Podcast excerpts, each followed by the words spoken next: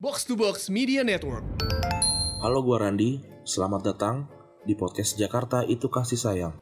Sebuah program podcast harian dari Retropus di bulan Ramadan yang bertujuan untuk membuat gue tetap waras selama masa karantina di Jakarta. Di tiap episodenya, gue akan bertanya tiga pertanyaan yang sama kepada orang-orang yang berbeda. Mari kita dengarkan sebuah cerita baru dari orang yang baru.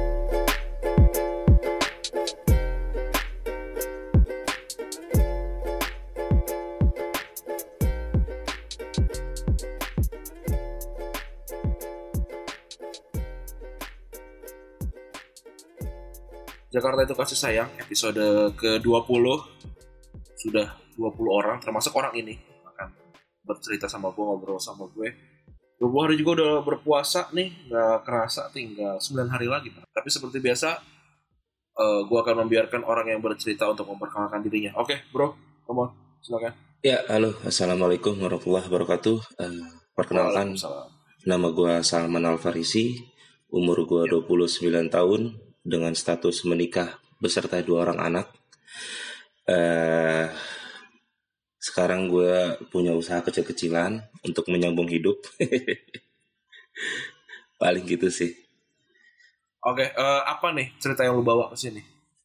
Uh, gue pengen cerita sambil sharing aja ya siapa tahu, siapa tahu bisa berguna buat teman-teman juga yang kedengerin podcast lo ini. Ya. Uh, gue pengen cerita atau sharing tentang masalah karir gue. Oke. Okay. Masalah karir yang uh, mungkin orang-orang di seumuran gue sudah mencapai pada puncaknya, pada puncak karirnya, sebagian orang, ya. tapi tidak dengan gue. Uh, karena gue pernah hampir pada puncaknya, namun gue jatuh. Dan pada saat gue jatuh, sangat disayangkan gue gak punya investasi apa-apa dan itu menjadi kesalahan ter, terbesar menurut gue dan gue di sini pengen berbagi ke teman-teman semua agar teman-teman semua juga bisa lebih hati-hati pada saat merasa sedang di puncak-puncak karirnya sih paling gitu. Oke. Okay. Oke, okay, lo uh, terlahir di keluarga yang kayak gimana nih? Yang emang udah mapan kah? Apa yang struggle juga keluarga lo gitu? Wah, keluarga gue struggle parah cuy. Uh, kayak gimana tuh? Bokap gue lulusan STM uh, pekerjaannya serabutan eh lu di Jakarta apa di mana nih gue di Jakarta Cengkareng Oke, emang dari dari dulu ya keluarga rumah keluarga segala macam Cengkareng. Mm -mm, gue dari kecil bokap gue gede di Cengkareng, gue gede di Cengkareng juga. Oke oke terus terus. terus. Uh, bokap gue juga bukan keluar bukan seorang ayah yang ya bisa dibilang berduit, tapi gue selalu merasa cukup dengan apa yang bokap gue kerjakan dan bokap gue hasilkan. Tapi pada dasarnya bukan keluarga mapan dengan uh, latar belakang orang tua punya punya usaha besar atau kerja di di level yang bagus juga enggak. Bokap gue struggle juga, ya. serabutan juga. Oke. Nah terus gimana tuh pengalaman karir lo yang tadi katanya sempat puncak tuh itu apa? Nah jadi gue pernah uh, bekerja di salah satu perusahaan retail yang sekarang udah tutup. Sebutnya uh, apa namanya? Sebut aja nih. Iya. Yeah. Ya, Seven Eleven. Gua yeah. pernah kerja di Seven Eleven. Seven Eleven itu di bawahnya Fuji dulu atau PT-nya PT Modern International atau PT Modern Seven Indonesia. Gue bekerja di situ sejak 2012 itu okay. posisi kuliah tuh ya belum bahkan gue udah lulus tapi belum belum wisuda tapi gue udah mulai kerja okay. di situ okay, okay. Uh, dengan masuk program dulu tuh ada namanya program manajemen training atau MT okay. Singkat Jadi kalau untuk teman-teman yang pada belum tahu uh, Sevel itu mirip-mirip kayak Indomaret kayak Alfamart gitu tapi banyak anak nongkrong karena ada keju gratis ya di situ ya. Aja. Emang masa ada yang nggak tahu Sevel ya? ya kan banyak pasti banyak pendengar yang di luar Jakarta. Oh iya juga sih. Karena Sevel memang kan waktu Sevel itu kan, fokus di Jakarta. Iya, fokus iya. di Jakarta dia. Jadi uh, Sevel itu pada saat gue masuk itu bisa dibilang lagi bagus-bagusnya. Karena Iya, lagi lagi keren-keren tuh ya. Iya dong, orang nongkrong Sevel. COD-an barang di Sevel Terus beli martabak tuh abis itu ngambil keju di Sevel. nah orang-orang kaya lo nih yang bikin telur ya. orang-orang kaya lo yang bikin Sevel bangkrut kayaknya nih. Iya kayaknya gitu sih. Beli bir juga bisa beli Sevel dulu kan. Kan susah dulu beli bir. Nah, itu salah satu yang bikin penjualan Sevel turun drastis, cuy. Jadi Oke, oke, oke. sem- sempet bir itu dilarang sama pemerintah untuk diperjualbelikan dengan bebas karena harus ada pada kelas tertentu yang bisa ngejual bir. Pada saat Kalau itu. ini bir biasa ya. Iya, bir biasa ya. Cuman kan ya aturan tetaplah aturan ya gimana ya. Iya, Gak bisa diinin juga. Bukan liker atau apa gitu. Heeh. Nah, singkat cerita gue 2012 masuk, gue ikut-ikut eh, ikatan dinas waktu itu 2 tahun. Setelah 2 tahun gue udah langsung jadi supervisor di finance accounting. Terus selang 6 bulan gue langsung jadi senior supervisor. Sampai pada akhirnya di 2015 gue ditawarkan untuk mutasi ke perusahaan di bawah perusahaannya si Sevel. Tapi masih bergerak Hebat. masih mensupport ke Sevel sendiri. Itu di maintenance building sama equipmentnya. Jadi gua perusahaan gua memegang untuk maintenance building sama equipment. Dari mesin Slurpee yang rusak, mesin fontaine yang rusak, AC, chiller, ataupun gedung yang pada bopak, lampu pada mati, itu perusahaan gue yang handle pada saat itu. Ya. Itu 2015 gua ikut probation 3 bulan setelah itu gue langsung jadi asisten manager di situ Eh, pada saat itu 2015 menurut gua di saat umur gue 25 tahun gue megang gaji yang cukup besar dan gua di situ agak sedikit congkak Ya. congkak karena gue sempet sempet eh, tidak merasakan yang namanya makan di warteg. Karena posisinya pada saat itu kantor gue di eh, pintu masuk terminal Blok M kalau di sekolah nggak salah Jalan Sultan Hasanuddin namanya. Eh, di mana dia itu Oh, berde- ah di- dia itu Itu deketan kantor, tapi kantor ya, Bu- bukan Kan- bukan Sevelnya ya. bukan itu kantor. Ruko cuman Oh, dia bentuknya ruko. Iya iya iya. Tapi posisinya adanya di pintu masuk terminal Blok M yang bronze parah di situ lokasinya. Tiap hari gue ngeliat orang berantem di situ udah bukan hal yang wajar, bukan hal yang eh, rahasia, bukan yang umum lagi lah kasarnya lah. Terus gue juga karena posisinya ada di belakang Blok M Square kalau nggak salah, gue benar. makan makan selalu di Blok M Square. Parah, gue eh mungkin kalau anak zaman sekarang makan di mall mungkin hal yang wajar ya. Tapi pada saat itu gue bener-bener tiap makan siang gue harus di mall. Minimal gue makan di ada di situ namanya soto pace kalau nggak salah. Dan itu soto cukup mahal juga tapi enak. Jadi bener-bener gue manjain perut gue. Pada saat itu posisinya juga gue udah menikah. Pada saat itu gue udah menikah. Gue nikah itu 2015 bulan Januari. Gue pindah ke perusahaan ini itu gue dimutasi itu sekitar bulan September atau Oktober. Artinya gue udah dalam posisi gue sudah menikah dan bini gue malah pada saat itu lagi hamil dan karena gue sudah dipromosikan dengan penghasilan yang cukup, akhirnya bini gue mutusin untuk resign dari kantornya. Oke. Oh ini benar-benar keputusan yang berat banget. Tapi gue pede karena kenapa gue pede? Karena menurut gue penghasilan gue bisa mencukupi mereka, bisa mencukupi anak gue dan istri gue pada saat itu. Singkat cerita 2015, 2016, 2017 mulailah banyak penutupan sevel nih, penutupan gerai nih. Sampai Oh, pada kenapa sih? ah gue gue takut takut salah ngomong sih ya, karena itu Oh. lu udah level top manajemen lah tapi yang gue Iya, yang gue tangkep sih salah satu alasannya kenapa tutup jelas karena pendapatnya kurang nah pendapatan Padahal kurang nong- orang nongkrong pada banyak tuh ya. Ada cuma nongkrong doang. tapi cuma nongkrong doang nah pendapat pendapatan turun itu disebabkan juga sama penjualan bir yang dilarang Gak boleh.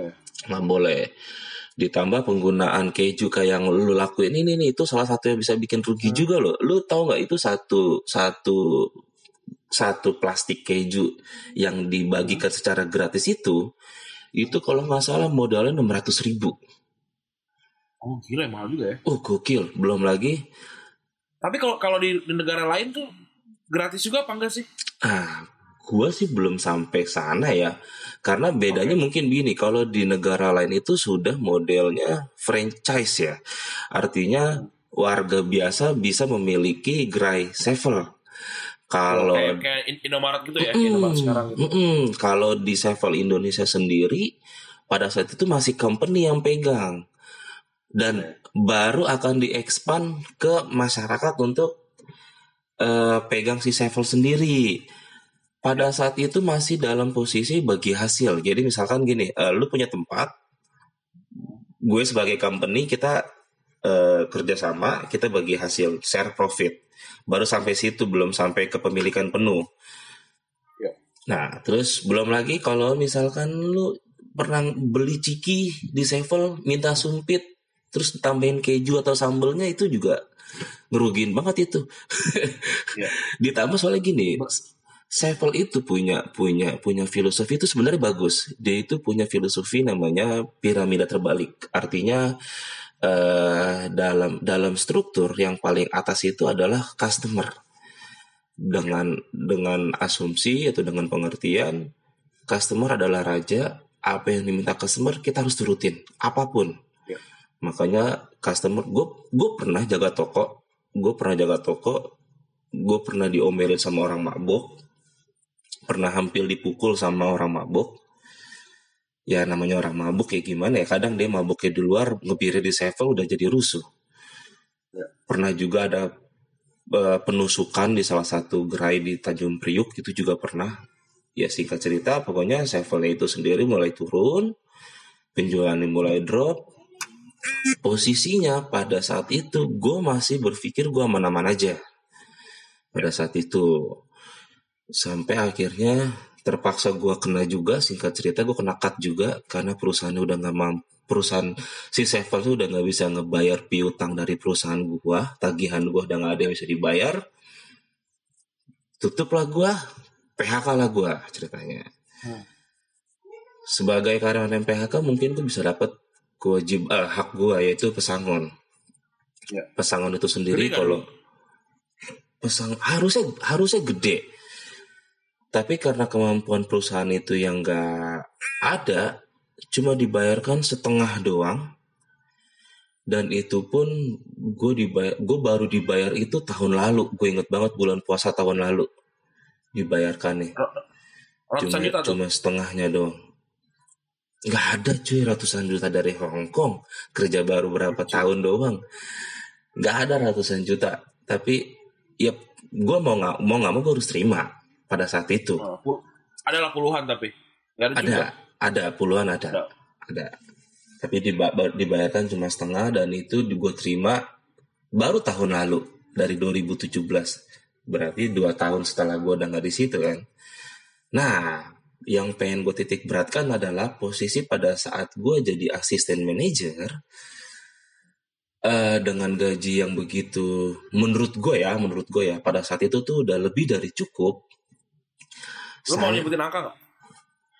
enggak lah janganlah kalau nyebutin angka Oke oke. pokoknya pada Tapi cukup, cukup, cukup cukup banget ya. cukup banget Untuk tinggal untuk tinggal di Jakarta cukup banget tuh. cukup banget cuman gue pada saat itu nggak kepikiran yang namanya investasi Oke. itu kesalahan gue dan di sini gue pengen ngebagi juga ke teman-teman buat eh, lu mau nggak mau bisa atau nggak bisa sedikit atau banyak sisihkan penghasilan kalian untuk investasi.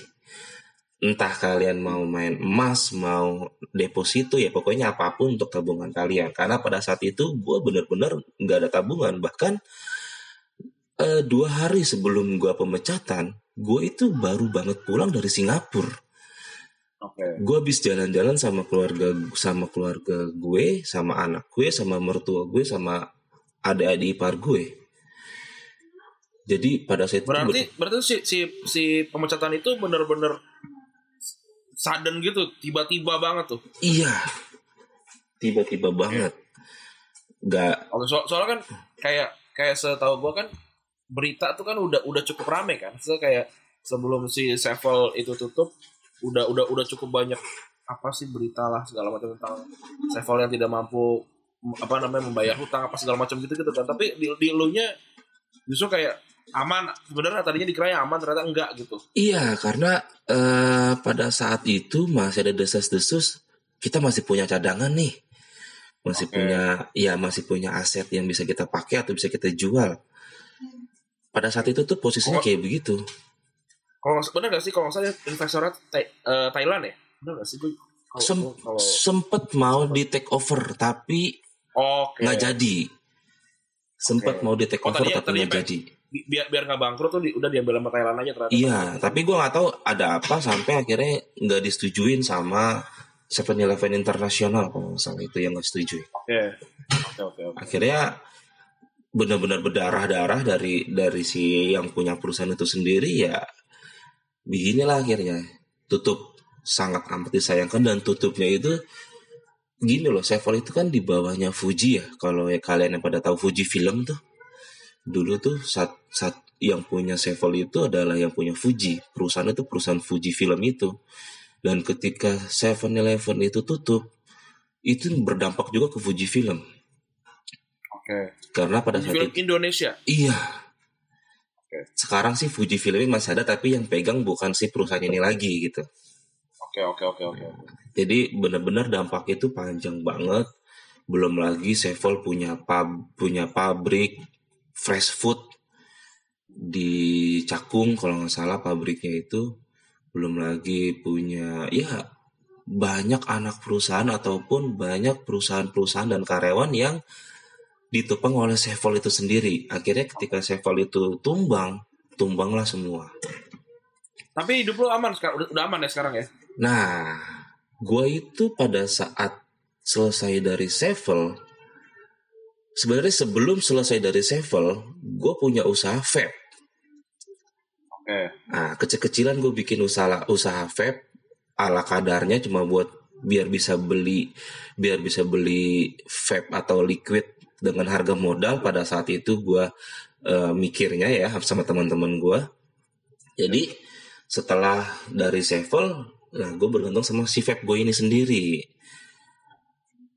Terus jalan ya sekarang eh toko yang lama udah tutup, gue sekarang buka toko sendiri. Itu gue dibantu sama nyokap bokap juga sih, sama gue nyairin BPJS JHT gue. oke JHT gue, masih ada lah ya ah, itu gue cairin. Waktu itu ada sekitar 14 juta sekian. Setelah gue tiga, sorry lima tahun kerja, ada 14 juta sekian lah. Gue nggak tahu hitung hitungannya dari mana dan gue nggak mau mempermasalahkan bener atau enggak hitungannya. Yang penting gue ada punya uang segitu gue ambil. Posisi gue udah mentok banget tuh. Terus gue ambil, oke jadi ah, ah, hmm, gimana? gue ambil, gue gue bikin buat modal usaha. Singkat cerita, itu gue posisinya 2017 sebelum puasa. Sorry, bulan Maret, tanggal 6 Maret gue gue inget banget. Itu di bul- di bulan di bulan Juni kalau nggak salah habis Lebaran, gue ada tawaran kerja nih. Ceritanya nih di salah satu yang punya perusahaan gua. Ya pokoknya ada hubungan sama perusahaan gue yang lama. Dia punya perusahaan juga. Gue kerja di situ. Cuman pada saat itu ini kesalahan gue yang kedua adalah gue terlalu idealis. Artinya gue lagi demen ngejalanin usaha gue di vape pada saat itu gue diterima kerja dengan gaji yang bedanya sedikit banget dari gaji gue yang sebelumnya. Tapi gue so idealis nih ah gue pengen usaha aja.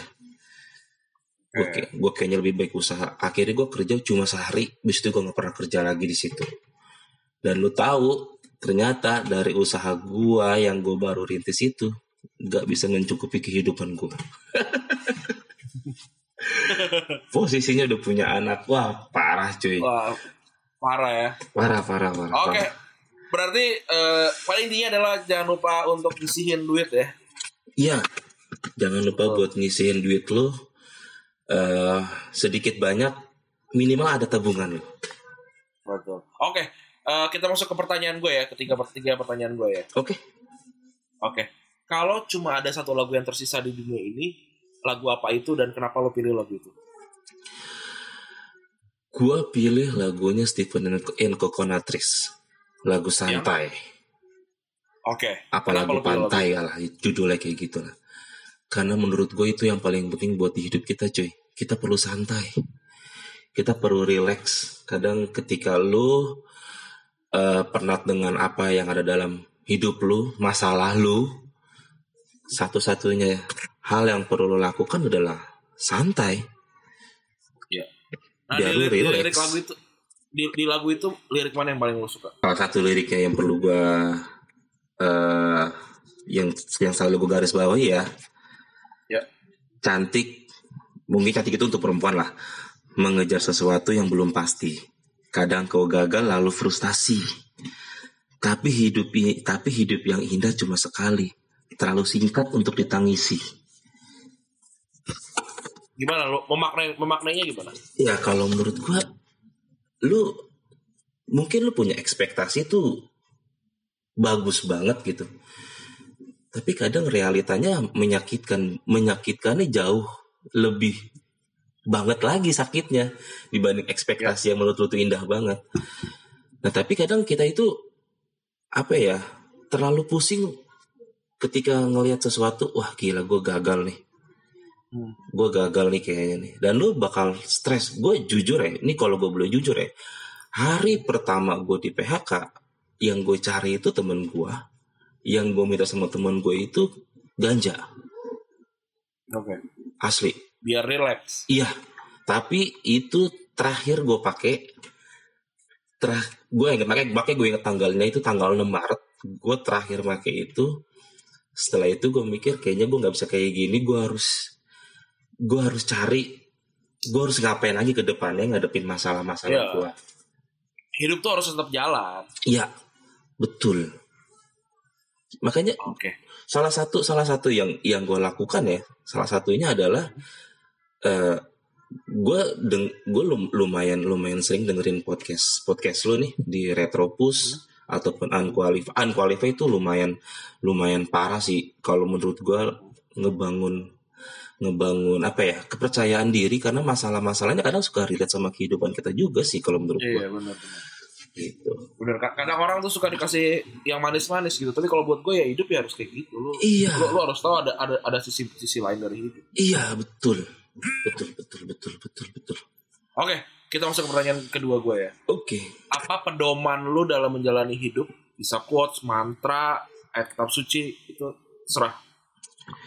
Eh apa ya paling kan sih gini sih eh, pedoman hidup gua yang selalu gue pegang itu datangnya dari bokap gua Hmm. bokap gue selalu bilang kita harus banyakin bersyukur Ya.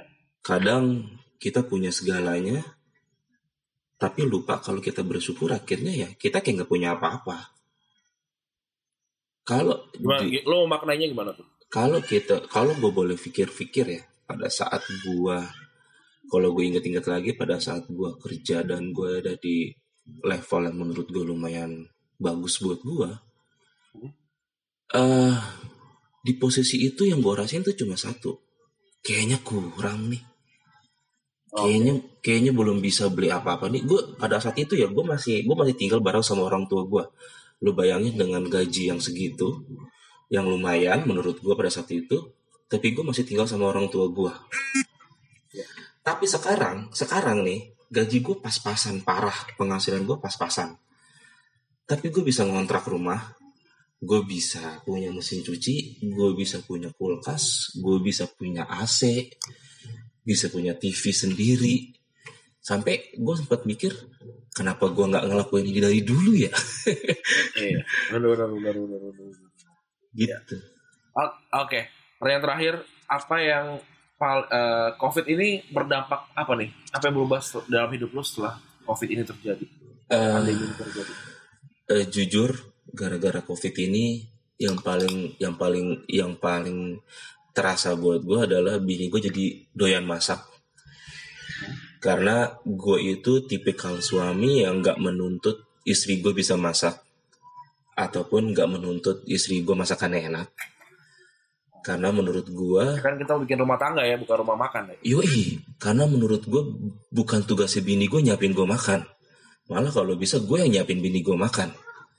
Iya. Tapi karena karena si covid ini gue lebih banyak di rumah, anak-anak gue jadi bisa gue yang handle dan akhirnya bini gue bisa masak. bini gue bisa explore masakan meskipun Tapi kalau kadang masakannya ekonomi fail ekonomi parah cuy toko gue dua bulan terakhir jualan ngap-ngapan Oke, tapi tapi tapi tapi lo nya masih aman nih, Maksudnya masih bisa hidup lah ya.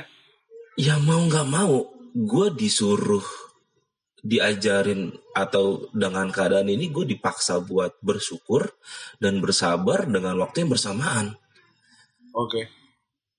Tapi gimana nyari duitnya gimana? Kalau ya toko tutup.